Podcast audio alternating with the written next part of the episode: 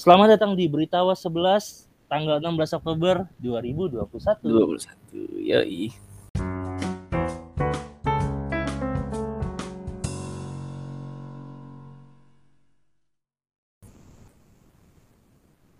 Seperti biasa, sebelum kita mulai, angka baiknya kita berdoa dulu.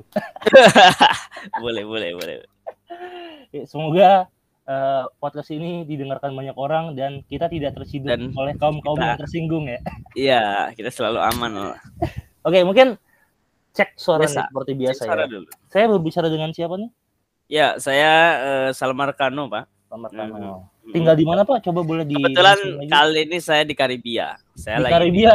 saya lagi di Karibia. Sedang mencari bajak laut apa gimana Pak Anda Pak? Enggak, jadi gini Pak, kemarin itu saya eh, ini Oh, ada Pak, ceritanya. Ada. Jadi kemarin ada bisnis, Pak. Ah, ah, ke iya. bisnis. Mm-mm. Nah, ini Bapak siapa nih? Langsung aja kita nih. Saya Salmar Kani Pak. Salmar Kani. Bapak lagi di mana, Pak? Saya lagi di Greenland Pak. Waduh, berarti Ya, saya- Anda lagi peneliti lingkungan apa gimana? Iya Pak, saya eh, setelah mendengarkan video YouTube-nya dari Greta Pak, aktivis lingkungan, saya jadi ingin ke Greenland Pak untuk meneliti eh, keadaan di sini Pak. Gitu. Mantap, mantap. Ternyata Jadi di memang- Greenland, saya baru tahu ternyata bener-bener nggak green ya Pak ya. Jadi Iya, kayaknya nggak bisa diterapin green economy di sini nih Pak. bisa, tapi di- tidak green aja. Oke. Aduh. Oke, kita lanjut. Kita mungkin recap dikit ya. Apa Recap sih dikit yang mau kita sampaikan nih berita-berita pada hari Ya, ini? Oke. Pertama ada tagar percuma lapor Polwan. Waduh, kenapa Polwan doang? Waduh. Ya, sama Pol Peri. Ini Iya. polisi ya, jadi ini polisi. Terus kedua ada ini Pak, yang dulu sempat kita tonton Pak. eh, Iya, di Gila masa TV, kecil. Masa kecil ada tentang Smackdown Pak. Tapi yang di Smackdown, Smackdown. itu eh, mahasiswa. Nah, jadi Ya. kita lihat Kalau Kenapa? dulu itu teman sekolah, kalau Hmm. sekarang mahasiswa. mahasiswa. Tiga Malang ada, nasibmu, yuk mari selanjutnya. ketiga ada eh, tentang ini Pak yang viral juga tentang Baim Wong Pak. Ya, Baim Buang. Ah ini. Ya, Bagus nanti. namanya. Ini siapa ya? Yang mana? Harusnya itu Baim tuh ada terusannya Baim Wong apa gitu kan kita Iya. tanya Wong Jowo. Baim Wong saya nggak tahu kok tanya saya. no, no, no, amin. Ya. Oke. Lanjut. Nah, ini ada oh ini kita tiga kali kita ini Pak eh, kalau tiga kali berturut apa? Three strike apa? Eh, hat trick, Pak. Eh, hat-trick. Hat Jadi trick. kita ngebahas hat-trick ngebahas Bu Risma, Pak. Mm. Jadi eh, biasa Pak, marah-marah lagi gitu. Tapi sekarang marah-marah ke siapa nih kita? Kali ini di mana nih marah-marahnya nih? di Zimbabwe. Waduh. Bu Risma ngatasin kasus Saya kira- di Zimbabwe.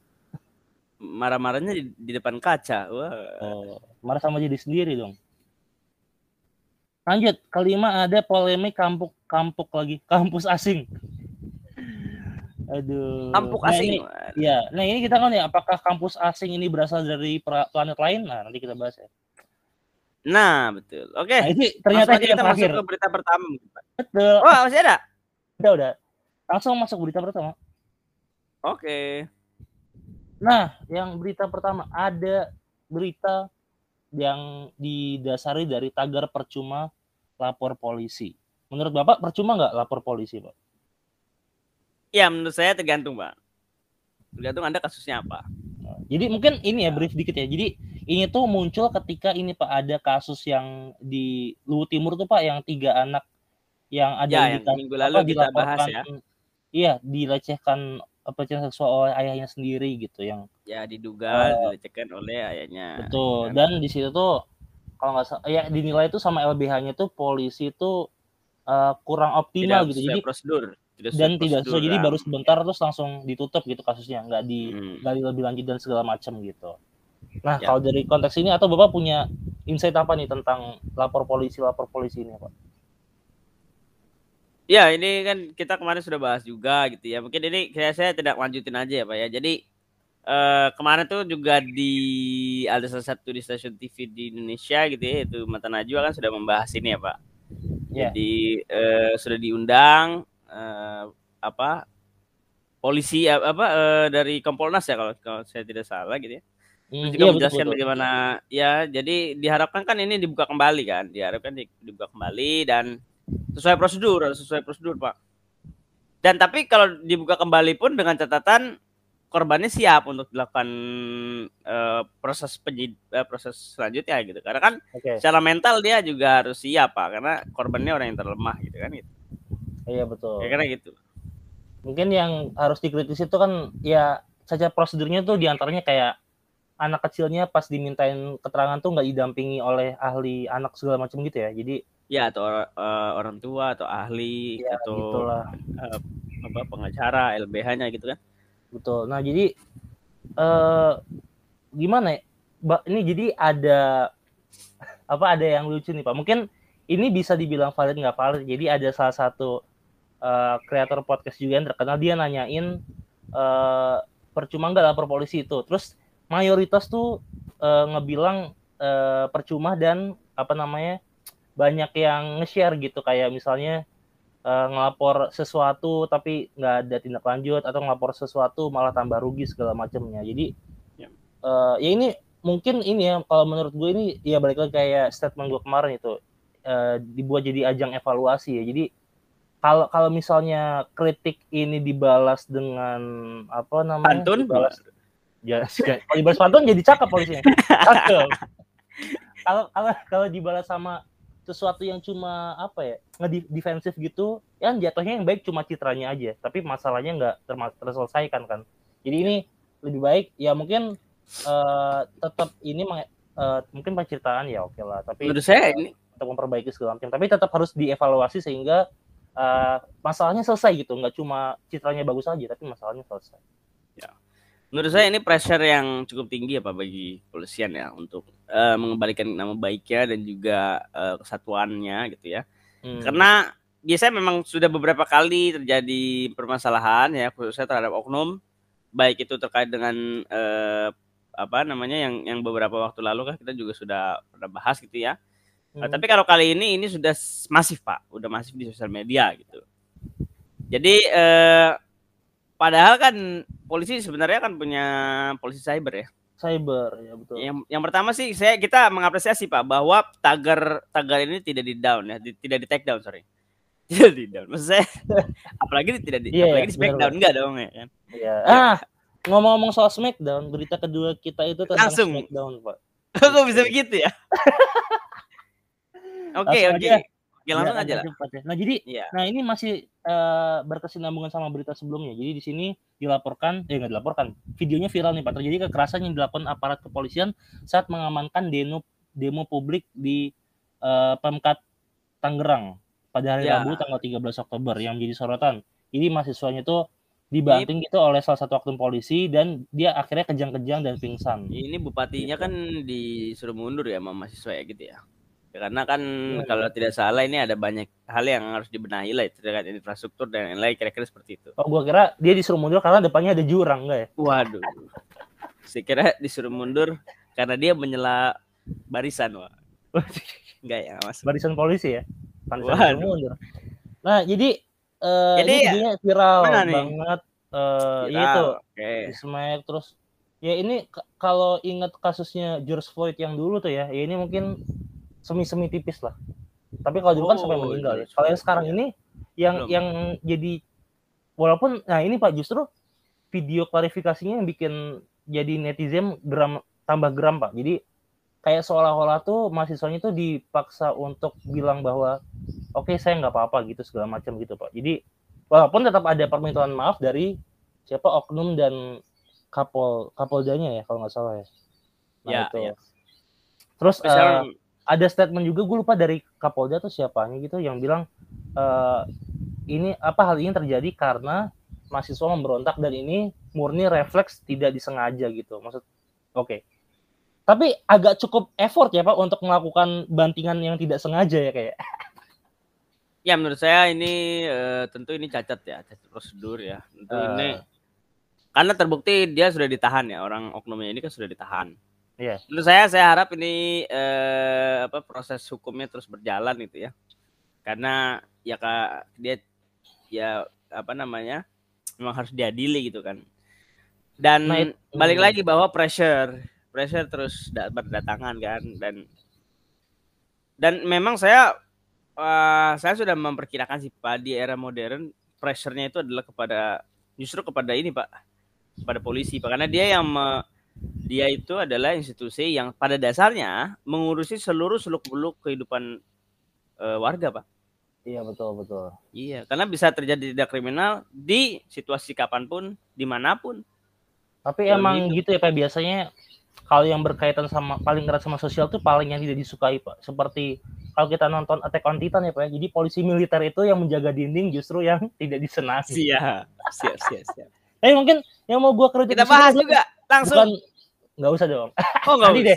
Nanti mungkin habis ini, kalau habis udah ini. ada kalau udah ada trailernya kita bahas ya. Udah ada belum sih ya, trailernya? Tapi intinya kan tanggalnya dulu dong, kasih dong. Iya, Januari kan, Januari. Januari, empat Januari. Eh mungkin ya. yang mau gua kritikin kritisi di sini adalah kan ini berita banyak yang bilang ini Smackdown ya, tapi menurut gua ini Smackdownnya siapa ya? Gue nggak pernah lihat ada dulu di La TV gitu dari mulai dari Brock Lesnar, Mas Rio. Iya, iya. Ada Smackdown yang macam ini pak. Kayaknya dia menciptakan Smackdown baru pak kalau Smackdown kan itu uh, kalau dulu ya kita bilangnya Smackdown tuh ketika ada salah satu serangan khas oleh pegulatnya ya apa yang dilakukan. Kalau contohnya kalau uh, Rey Mysterio itu kan dia apa namanya naro orangnya uh, di sela-sela tali itu terus dia muter gitu kan. Terus kalau Triple H itu dia uh, nyem, apa menghimpit kepala korbannya di kedua paha dia terus dia nyemper ke bawah. Nah, kalau ini dia nih kayak Smackdown baru nih, pakainya dia terinspirasi dari mana nih kalau boleh tahu, Pak? Ya, jadi yang pertama kan kita harus sadari ya, Pak. Kalau di TV itu Smackdown-nya bohongan, Pak. Dia acting gitu loh. Kalau ini tuh bukan acting, Pak. Ini yang kita sadari nih, eh, actingnya acting tapi, dari mana? Ini Pak, kalau argumen dulu ya, argumen zaman dulu, lah acting tapi kok sampai berdarah, tapi kok uh, Eddie Guerrero meninggal lah. Dulu gitu Pak, pas kecil debatnya Pak. Ya enggak? ya enggak kan kalau dulu kan kita masih gampang ketipu ya gitu Iya, ya, pas, itu pas dikasih tahu ya itu. Nah, ini kan lagi pula kan ringnya juga empuk Pak kalau oh, iya, di benar. sana. Iya kan? Oh, kalau di sini itu waduh. Terus juga ini butuh wasit Pak ya. Itu kayaknya nggak ada wasit ya. Bener juga sih ini. Kurang, nah, ya. betul. Udah gitu juga nggak ada nggak ada mode 100 versus 100 kan betul betul.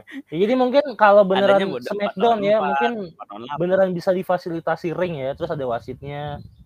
Uh, dibuat rules yang jelas, iya, apakah kalahnya nah, itu, karena tadi. bisa karena KO atau karena tiga hitungan mundur. Nah, itu harus jelas ya. Jadi ini uh, jatuhnya tuh Smackdown ugal-ugalan, Pak. Kayak Smackdown liar. Nah, itu Smackdown liar. Iya. Yeah. Smackdown tapi ilegal. Nah, ini. ini saya lebih disebut ini Smackdown amateur, Pak.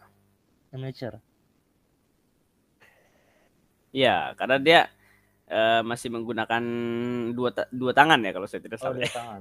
kalau ya, itu... di sana Randy Orton itu kan masih pakai oh, satu tangan. Oh, itu mirip Randy Orton ya. Tapi kalau Randy Orton kan dia pakai tahu satu tangan tuh, tangan. Mirip-mirip lah menurut saya lah. Oh ya, mungkin dia fans ya. Randy Orton, Pak. Kita nggak tahu ya. Nanti mungkin, mungkin ada wawancara khusus terkait inspirasi dari Smackdown-nya ini. Iya, mungkin nanti kita akan coba ya kita cari pelakunya uh, apakah terus, dia mau diwawancara itu kan itu ya. Nah, terkait inspirasi dan wawancara nih, Pak. Ada salah satu YouTuber artis yang sukanya menginspirasi dan mewawancara, Pak. Jadi wawancara. Ada, iya, yang inspirasinya adalah Baim Wong dan yang mewawancara adalah Nikita Mirzani. Oh, bagus gak bridgingnya? Bagus. Jadi di sini ada kontroversi dari dua youtuber itu yang disebabkan oleh salah satu video viralnya Baim Wong ketika uh, apa namanya Baim Wong ini uh, menegur seorang kakek pak. Nah tegu, kalau yang dilihat dari video itu dia kayak menegurnya itu kayak terlalu berlebihan kayak jadi uh, terlihat uh, mempermalukan si kakek ini. Walaupun kita juga nggak tahu nih ke belakang itu sebenarnya si kakek ini berbuat apa atau sebegitu uh, melakukan tindak-tindakan yang inappropriate, yang terlalu mengganggu segala macam kan kita belum tahu. Tapi pada akhirnya memang ya udah damai ya, sekarang udah damai. Cuma ini bisa jadi pelajaran penting buat Indonesia juga sih. Iya nggak sih? Ya, Apa nggak ada pelajarannya? ya, jadi kan uh, kita harus Uh, kalau saya boleh menunjukkan data ya, jadi dari tiga hari itu uh, subscriber dari Bayebong ini kan Weh. menghilang tiga ratus ribu subscriber benar-benar benar. Iya, jadi eh dua juta ya, berapa juta turunnya? Tiga ratus ribu aja. Tiga ratus ribu. Tapi ah. dari dia kalau nggak salah dia enam juta kalau nggak salah ya. Iya sih. Bukannya Ya, dari subscriber sembilan- banyak ya. itu view apa subscriber pak? Kalau subscriber kayak Subscriber. 19 koma 19 koma deh. Oh, masa sih? gimana gimana? Ya, intinya Ya intinya ber- berkurang lah gitu kan atensi Ya. masyarakat. Jadi Kalau saya, kalau saya subscriber ya berkurang. Kemarin saya lihat itu dari 19,6 jadi 19,4 pak.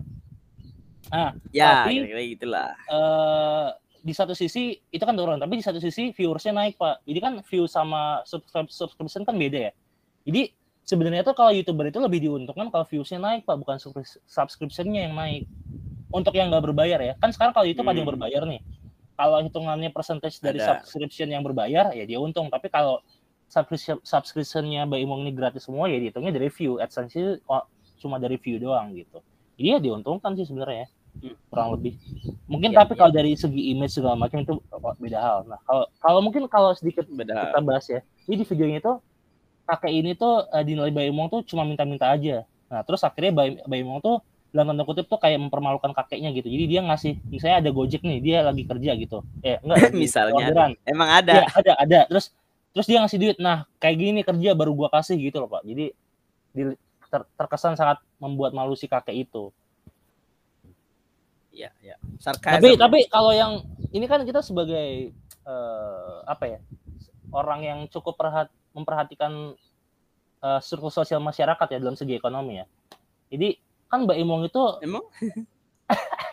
iya nggak sih kita? Enggak ya? Iya. Ya udah.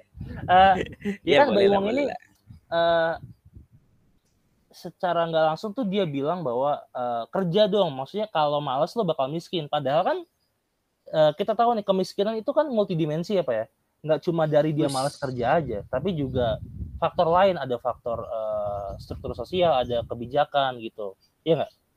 Ya nggak? Ya, ini butuh lah. butuh didukung. Ya, kan? jadi Ya, tadi kan maksud gua kan eh, nggak nggak kan gini pak, banyak orang-orang yang ya udah maksud gua eh, misalnya nih kan petani ada yang miskin ya maksud gua petani kan pagi-pagi subuh berangkat buat nyangkul sore dia berangkat lagi untuk nebar pestisida itu kan nggak nggak males pak cuma emang karena dia bayarannya rendah atau eh, apa harga jual pak gabahnya itu rendah ya jadi dia jadi miskin gitu ya nggak maksudnya kan miskin itu nggak cuma karena males aja gitu pak. Gitu. Jadi ada faktor-faktor lain nih.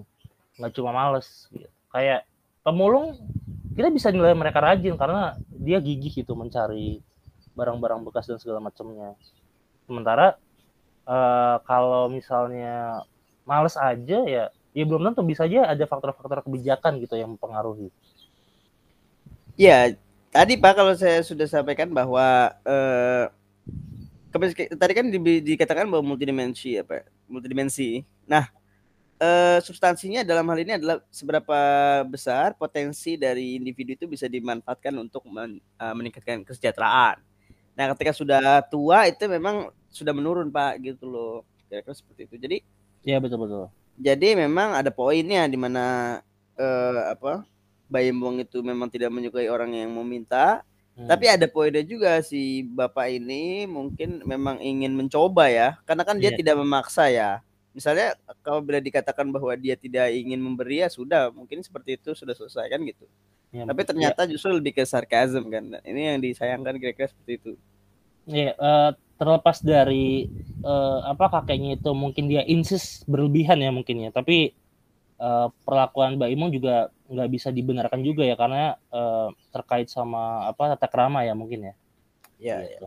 Nah oke mungkin lanjut Dan nih itu konsekuensi lah pokoknya. Itu Iya, betul, konsekuensi betul. konten di dia harus terima. Iya, iya betul betul. Lanjut nih Pak, coba mau bridging nggak nih Pak dari tiga ke empat nih? Dari tiga ke empat ya kan kita tahu tadi bahwa eh, beritanya adalah terkait dengan eh, ini Pak eh, attitude Pak dari Attitude. Baibong kepada Waduh. seorang kakek. Nah ini ada attitude nih dari seorang mahasiswa kepada pejabat Pak di saat di mana ini adalah menteri. Iya betul betul. Menteri yang kita eh, kita sudah bahas di minggu lalu itu adalah Ibu Risma Tri Ris- ya, Tri Risma hari ini. Karena selalu kita bahas, jadi memang ini topik yang cukup hangat Pak, tentu ya, karena ya, kan kita selalu ya. bahas. Betul. Jadi di sini ya di Surabaya gitu ya, Bu Menteri Risma hari ini eh sorry bukan di Surabaya, ini di Lombok ya Pak ya, di NTT ya? Iya, iya. Eh jadi ketika mengunjungi eh di Lombok Timur ya, eh, supaya program bantuan pangan non tunai itu terdapat ke cekcok Pak antara mahasiswa dengan Bu Risma di mana mahasiswa menyatakan bahwa eh, mahasiswa tersebut mempertanyakan kedatangan menteri di tempat supplier tersebut karena dikatakan bahwa supplier tersebut itu bermasalah kira-kira seperti itu Iya. Pak. Namun dari pihak Bu Risma sendiri ya Bu Risma menyatakan bahwa ya tentu tidak boleh menuduh seperti itu dong. Nah, jadi jadi justru lebih kepada eh, menyampaikan bahwa apa yang Anda ingin laporkan, nah, nah, saya terima gitu kira-kira seperti datanya seperti apa. Nah, itu eh, tapi disampaikan dengan eh, dua-duanya ini ngotot Pak gitu loh. Nah, Kira-kira seperti itu. Jadi ya balik lagi bahwa ini terjadi lagi. nah seperti ini minggu-minggu lalu. sama kayak debat ya ketika dua orang tuh justru ngotot ya nggak nyelesain masalah ya cuma adu Iya. menang aja gitu. Ya, ya, Tap- ya. Ya mungkin di satu sisi eh, di- cukup kelihatan juga maksudnya walaupun ya walaupun emang eh, kita tahu citranya Bu Risma tuh agak emang kayak marah-marah segala macam tapi kan kalau menyampaikan juga ya balik lagi terkait etika dan norma itu ya ini kan lebih tua gitu loh lebih sepuh Betul. Ini Ya, lagi kita tetap harus sopan gitu menteri ditanya, "Ibu ngapain datang ke sini?" Lah, terserah dia, coy. Semua itu kan urusan dia. iya jadi Terserah dia. apa kalau dia nanya marah gitu Bu Risma wajar nanya marah gitu Wajar dong. mungkin nggak mungkin Bu Risma kayak ngapain ibu ke sini oh iya saya ngapain ke sini ya kan nggak mungkin gitu kan nggak mungkin gitu jadi ya Aduh, itu yaudah, saya pulang gitu kan, saya pamit. Gitu. Nanti kalau nggak dipeduliin baru tuh rasa tuh daerah kan gitu Iya, kan. betul Nah, tapi Nah, itu jangan lah yang salah bukan daerahnya tapi ya oknum-oknum ini nih tuh yang sok-sok ini loh. betul. Tapi mungkin kita agak bahas dikit lagi ya. Kalau menurut Bapak pemimpin tuh perlu marah-marah nggak? Menurut saya perlu tapi tidak perlu tidak harus dilontarkan. Oh, Marahnya bisa dalam banyak hal gitu loh. Nah, Pasti dari- marah Pak, pemimpin itu nggak ada yang nggak marah Pak. dari bentuk sanksi punishment gitu mungkin ya. Maksudnya kan mungkin saja. ada yang secara ekspresi verbal tuh dia melontarkan, ada yang Iya. tapi sanksi juga, tapi ada yang verbal doang, tapi sanksi enggak gitu macam-macam. Tapi kalau Bapak tuh Iya. lebih ke yang tindakan gitu ya, bukan yang marah-marah dalam segi verbal segala macam gitu ya. Menurut saya orang berhak lah untuk marah-marah kalau memang Terlaluan. eh, apa namanya ada hasilnya. Kalau ada ada ya hasilnya. cuma. Oh iya betul betul. Nah itu ya mungkin Outputnya apa? poinnya benar-benar. Jadi efek jerah mungkin ya yang ingin Iya. ditarik dari marah-marah itu ya benar-benar. Iya, yang penting ada outputnya. outputnya Tapi kan eh, ya mungkin kita agak eh, bahas dikit kan. Tapi kalau minggu lalu juga kita ada poin di mana marah-marahnya itu juga jangan yang kayak apa dengan kata-kata mengancam gitu pak ya. Maksudnya ya itu efek jerahnya ada tapi nggak kayak mengancam gua bunuh gua gitu-gitulah ya kan asal eh, apa namanya tersampaikan gitu tapi nggak boleh yang terlalu berlebihan juga sampai kayak mengancam eh, ya tadi seseorang. bahwa apa efektivitas dari kata tersebut gitu loh. mungkin efektif kok misalnya kayak dulu kayak eh ah jangan deh nggak jadi ya. Saya nggak apa-apa Pak. Nanti kan Bapak sendiri yang bisa potong. itu dia tapi nggak usah lah saya capek motong-motong Pak, biar nggak ada Iya. potong-potong nggak usah, nggak usah. Iya, iya. Oke, lanjut nih wah kita cukup cepat ya kita lanjut ke Cepet dah. Cepet aja santai. ke sel- selanjutnya ada tentang ini pak polemik kampus asing pak Kampus asing. Ya, Aduh. jadi, ini Eh, kampus asing ini, mahasiswa asing apa kampus saya doang? ini kayaknya kampusnya dari planet Mars nih pak Waduh. Jadi dari ini ya unknown, jadi ada unknown planet, unidentified, unidentified planet ya ya. atau dari Bekasi nih bahkan dari asing juga ya, luar angkasa. galaksi, galaksi. Oke, kebetulan ngomong-ngomong Bekasi ini juga dari radar Bekasi Pak beritanya. Jadi ke- Wih, kebijakan pemerintah mengizinkan perguruan tinggi asing beroperasi di Indonesia kembali menuai protes. Hal ini disampaikan oleh Ketua Yayasan Pencerdasan Bangsa Abadi Ika Setiawan. Abadi mengungkapkan kebijakan tersebut sama saja mematikan kehidupan kampus dalam negeri, bahkan bisa memicu liberalisasi pendidikan tinggi Indonesia. Oleh karena itu pihaknya mem- meminta pemerintah mengkaji ulang. Nah, eh, kampus yang eh, mulai masuk nih seperti Cambridge, Melbourne University, Monash University, National Taiwan University hingga sejumlah perguruan tinggi Timur Tengah. Dia mempertanyakan apa hal mendesak yang menyebabkan pemerintah tuh mengizinkan kampus asing beroperasi. Menurut Bapak gimana nih? Soalnya kan kita Monas kan udah ada ya. Sudah ada. Ya kan iya. nggak usah ada university lagi ya. Udah ada Monas gitu. Hmm, saya kira mau serius ada. Aduh. Saya lagi di. Karibia nih, Pak. Aduh. kan university kan itu universal ya jadi tempat Oh. orang-orang eh, beraneka beraneka ragam muncul walaupun di Iya. monas kita tuh nggak universal sih biasanya cuma satu golongan tertentu ya jadi Ya kalau saya melihat langsung saja nih Pak ya. Jadi kalau saya melihat di sini memang ada Ya. po- ada poin yang disampaikan tentu ada ada ada in- eh, substansi yang tadi disampaikan ya. Eh ada baik ada ada bagusnya juga tadi pendapat yang tadi di mana kita harus mempertimbangkan juga bagaimana kondisi di, di dalam negeri ya. Ini kita sebut sebagai eh, ekosistem lah, ekosistem pendidikan kita seperti apa. Nah, kalau kita melihat memang eh, saya melihat ada kecenderungan di mana mulai dari eh, diskriminasi ke depan itu ya terkait dengan eh apa terkait dengan per- perlakuan dari perusahaan kan nanti juga akan berbeda tentu kan. Mulai dari contoh misalnya ada perguruan tinggi nasional dengan perguruan tinggi swasta eh, perguruan tinggi nasional yang favorit atau dan juga yang non favorit juga sudah ada diskriminasi. Apalagi nanti sudah masuk lagi perguruan tinggi asing kan gitu kan. Itu yang pertama sih yang saya sampaikan. Ya oke jadi menurut bapak eh, penting nggak nih ada kampus asing? Menurut saya belum belum ten- belum ya. Tentu kita mempertimbangkan eh, perbaikan kualitas terlebih dahulu sih. Dan bisa ber apa bersaing dengan cara yang lebih baik sih menurut saya tapi bukannya kalau ada kompetitor itu justru kompetisi meningkat ya pak ya? Betul, Pak. dari luar ya? Betul. ya padahal kan memang kompetitor kompetisi itu terjadi.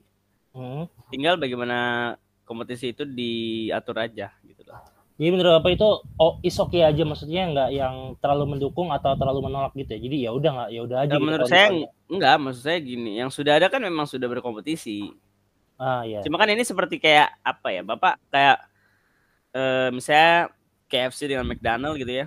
Tapi dengan dua geographical yang berbeda, tapi tiba-tiba ada satu yang membuka cabang di dekat tempat yang satunya lagi kan gitu kira-kira. Sabana contohnya Sabana gitu itu. ya Ya. Aku sabar. tapi ada saya jadi pusing nih. Jadi jadi ribet. Tapi intinya yes, ya kan semua emang sudah berkompetisi dengan Kompetisi, caranya ya. masing-masing. Kita juga bisa sekolah di luar negeri, orang luar negeri juga bisa sekolah di sini. Itu juga sudah kompetisi kan? Itu kira-kira seperti itu sih, Pak. oke oke oke Jadi menurut Jadi- saya kalau saya ya, saya berpendapat Iya. bahwa masih belum perlu bahwa universitas luar negeri eh apa membuka cabang di sini kayak oke kalau menurut bapak belum perlu ya belum perlu. gitu. Kalau kalau menurut saya sih Pak ini eh ya saya nggak yang menolak nggak yang menerima banget tapi eh, menurut saya juga mu- kemungkinan eh, kalau dilihat dampak jangka panjangnya mungkin perlu juga ya Eh, karena kalau menurut saya nih eh, kompetisi akan semakin bagus ketika kompetitornya semakin banyak juga jadi walaupun emang di dalam negeri itu berkompetisi eh, kalau ada dari luar tapi intinya sih jumlah kompetitornya Pak jadi semakin banyak intinya itu semakin bagus mau dari luar mau dari dalam tapi mungkin kalau kita geser nih Pak, eh, Pak Abadi ini dia bilang bahwa ada isu tentang bahkan bisa memicu liberalisasi pendidikan tinggi. Nah itu menurut Bapak gimana tuh? Iya, tadi kan saya sudah sampaikan juga Pak bahwa saya berpendapat bahwa, bahwa tidak semua hal bisa diterapkan pada semua sisi. Contoh misalnya Hmm. tadi kompetisi. Di mana nggak semua itu eh, bisa dilakukan sedemikian rupa bahwa kita memahami bahwa ada beberapa brand, ada beberapa jenis produk yang hanya ada beberapa Tertentu ya. Iya, bahkan ada yang satu Tapi kan oh berarti ini Pak berarti mungkin eh, tujuannya itu bukan solely competition tapi itu adalah menambahkan preferensi orang-orang agar bisa lebih banyak lagi nih variasinya untuk memilih perguruan tinggi ya enggak? Iya, betul. Mungkin itu ya. Eh, Mungkin dari tapi segi maksud saya esensi dari Hmm, iya ya. ini sama aja kayak lu tau gak sih sama aja kayak orang banyak yang belum divaksin tapi udah mau booster ya nggak persis kan? Lalu lu urus dulu nih banyak orang yang belum kuliah kan gitu. Nah Oke, itu tapi yang tapi menurut gua itu kan itu dari segi mungkin pemerintah ya atau dari segi kebijakan ya. Tapi kalau menurut gua kalau dari konsum eh Oh, ini nggak mungkin orang-orang orang iya konsumen yang kaya kaya gitu pak yang balik lagi kita- kan makanya konsumen pasti mau booster kan istilahnya kan gitu dong Iya, tapi tapi ini nggak se konteksnya nggak se analogi apa analoginya nggak sesama itu dengan vaksin dan booster pak. Kalau vaksin kan emang wajib ya, maksudnya kan kayak misalnya kalau orang kaya nih, ya dia kan perguruan tinggi juga kalau- wajib kalau orang iya maksudnya kan orang-orang kaya ini kan bisa aja per- perguruan tinggi ini sama-sama wajib, cuma dia milihnya eh, analoginya lebih ke ini pak kayak dia antara mau Sinovac atau Moderna gitu pak. Nah ini gua nggak bilang yang mana Moderna yang Iya, mana Sinovac ya, tapi tentu kan ini preferensi aja tapi bukan Iya. booster dan vaksin tapi sama-sama vaksin cuma yang satu pilih Sinovac atau Moderna misalnya kayak gitu iya, tapi- iya, iya. uh, iya jelas Oke. ini bukan sesuatu hal yang uh, urgent dan itu uh, karena biasanya emang kampus-kampus yang disebutkan ini biasanya itu digandrungi oleh orang-orang dengan uh, kekayaan yang menengah ke atas. Jadi itu uh, Ya. bukan jadi concern yang apa urgensi yang terlalu besar gitu untuk diadakan sih. Mungkin Ya, dari situ jadi- sih saya. eh, konteks yang tadi saya sampaikan mungkin bukan dari segi eh, apa tahapnya ya, Mhm. hierarkinya ya, tapi lebih Iya. ke inklusivitasnya. Gitu. Inklusivitas ya. Jadi poin yang mau saya sampaikan adalah kita perlu inklusif dulu gitu loh, baru kita bicara terkait dengan eh, perbaikan kualitas dan lain-lain. Walaupun memang bisa bisa bisa dibarengi kan, Berbarengan ya. Hmm. bisa berbarengan. Tapi tentu poin utamanya kan masih banyak nih orang yang belum bisa kuliah kan. Iya. Dan costnya juga masih cukup besar kan kuliah di Indonesia ini gitu loh. Walaupun memang terus ditekan, terus Iya. ditekan supaya lebih efisien. Betul. Jadi apa gitu loh target yang mau dicapai itu dulu paling. Apa yang Mungkin mau ini ya karena eh ya nggak mungkin kalau dari ink- sisi inklusivitas itu nggak dapat cuma ya mungkin gua nggak tahu ya apakah bakal menambah apa gitu menambah sesuatu yang yang bentuknya bukan inklusivitas tadi gitu. Tapi mungkin ya mungkin ada hal- kualitas tapi mungkin harus- gitu aja. makanya harus disampaikan secara jelas ya. Maksudnya dia targetnya tuh mau mencari apa mau targetnya apa dulu sih? Eh, mungkin itu sih yang harus lebih dijabarkan ya. Karena kan eh ya itu kan stigma masyarakat kan ya itu tadi kayak Pak Abadi ini kan liberalisasi lah tentang Nah, itu kalau itu memang yang masuk segala terlalu inilah kalau itu terlalu jauh lah. iya Kalau saya melihat di sini ya simply targetnya apa, mau mau cara cara pencapaiannya kan banyak. lagian kan kalau hal-hal kayak gitu kan mahasiswa udah kritis ya maksudnya kayak kebijakan yang benar-benar dari pemerintah aja sering dikritik kan apalagi kebijakan dari luar gitu yang mungkin ah nggak make sense nih buat Indonesia gitu kan Ya, ya. jadi ya santai lah yang kayak gitu nggak terlalu ini justru yang balik lagi harus ditanyakan tuh tujuan dari pemerintah itu sendiri apa Gitu. Kalau Oke, dari mungkin- Bapak eh Apa? Hmm? ya kalau dari Bapak mungkin apa nih kira-kira yang mau dituju, Pak? Dari dari dari Kalau- apa pendidikan kita nih? dari pendidikan atau dari kebijakan membuka kampus asing ini Dari pendidikan dulu aja dari misalnya perguruan tinggi negeri kira-kira apa yang perlu kita capai gitu, Oh, Pak? oh yang harus dicapai jelas tadi eh, baik ke poin tadi tentang inklusivitas ya. Kan masih bisa kita lihat nih da- dari eh, apa namanya angka pendidikan gitu di kan semakin ke atas jenjangnya semakin dikit kan Pak ya. Tapi masalahnya tuh percentage dari orang-orang yang akhirnya melanjutkan ke perguruan tinggi itu jauh-jauh lebih sedikit daripada persentase misalnya dari SD ke SMP atau SMP ke SMA. Jadi sangat-sangat masih jauh. Jadi inklusivitas tuh masih harus di ini lagi sih Pak. Itu yang Oh, tadi utama. saya baru teringat, Pak, ada sorry, sorry, saya baru teringat satu poin. Boleh buka, boleh buka. Dengan catatan tapi harus sekolah, ini. Oh ya. Hah? sekolah yang benar-benar Indonesia belum bisa. Oh, eh, jurusan tertentu yang belum ada Jurusan gitu ya. misalnya bikin vaksin Ah, atau bikin eh, ini chip, bikin, bikin apa? mobil. Bikin mo- tapi yang chip ya semiconductor misalnya Oh, atau iya, apa. Atau misalnya sustainable development eh sustainable energy. Iya. EV. Oh, benar benar benar. Ah, iya ini itu boleh, penting. itu boleh. Kalau yang lain-lain yang kita masih bisa harus saja. Iya benar benar. Nah, ini salah satu poin yang menarik juga. Jadi, ya itu benar. Jadi ngebuka kampusnya tapi yang dengan jurusan-jurusan yang, khusus. eh, misalnya eh, bahasa Azerbaijan gitu kan belum ada kayaknya Indonesia. ya. Kalau kalau bahasa udah ada dong, Pak. Udah deh. Udah ada, pasti udah ada. Sastra Tapi- Zimbabwe belum ada pakainya. Iya, iya sih. Ya, mungkin kan Universitas Kalau Zimbabwe mau mau buka kampus di sini kan. Boleh, ya, ya boleh maksud Kan, gua. kan poin Bapak cuma bilang yang belum ada kan, Ya, bukan yang bermanfaat kan. maksudnya yang, yang tadi, yang urgent Oh. tadi gitu loh. Aduh. atau eh eh, itu sastra Vanuatu gitu gitu Waduh, Bapak ini, Pak. Secara politik ya, Vanuatu. saya nggak ngarah ke situ saya cuma cari negara-negara yang belum ada aja pak sastranya pak. Kayak Pate Gading kan nggak nggak apa-apa dong kali aja. Mau ngajar. Dosanya siapa tahu Drogba apa nanti ya kan kita nggak tahu.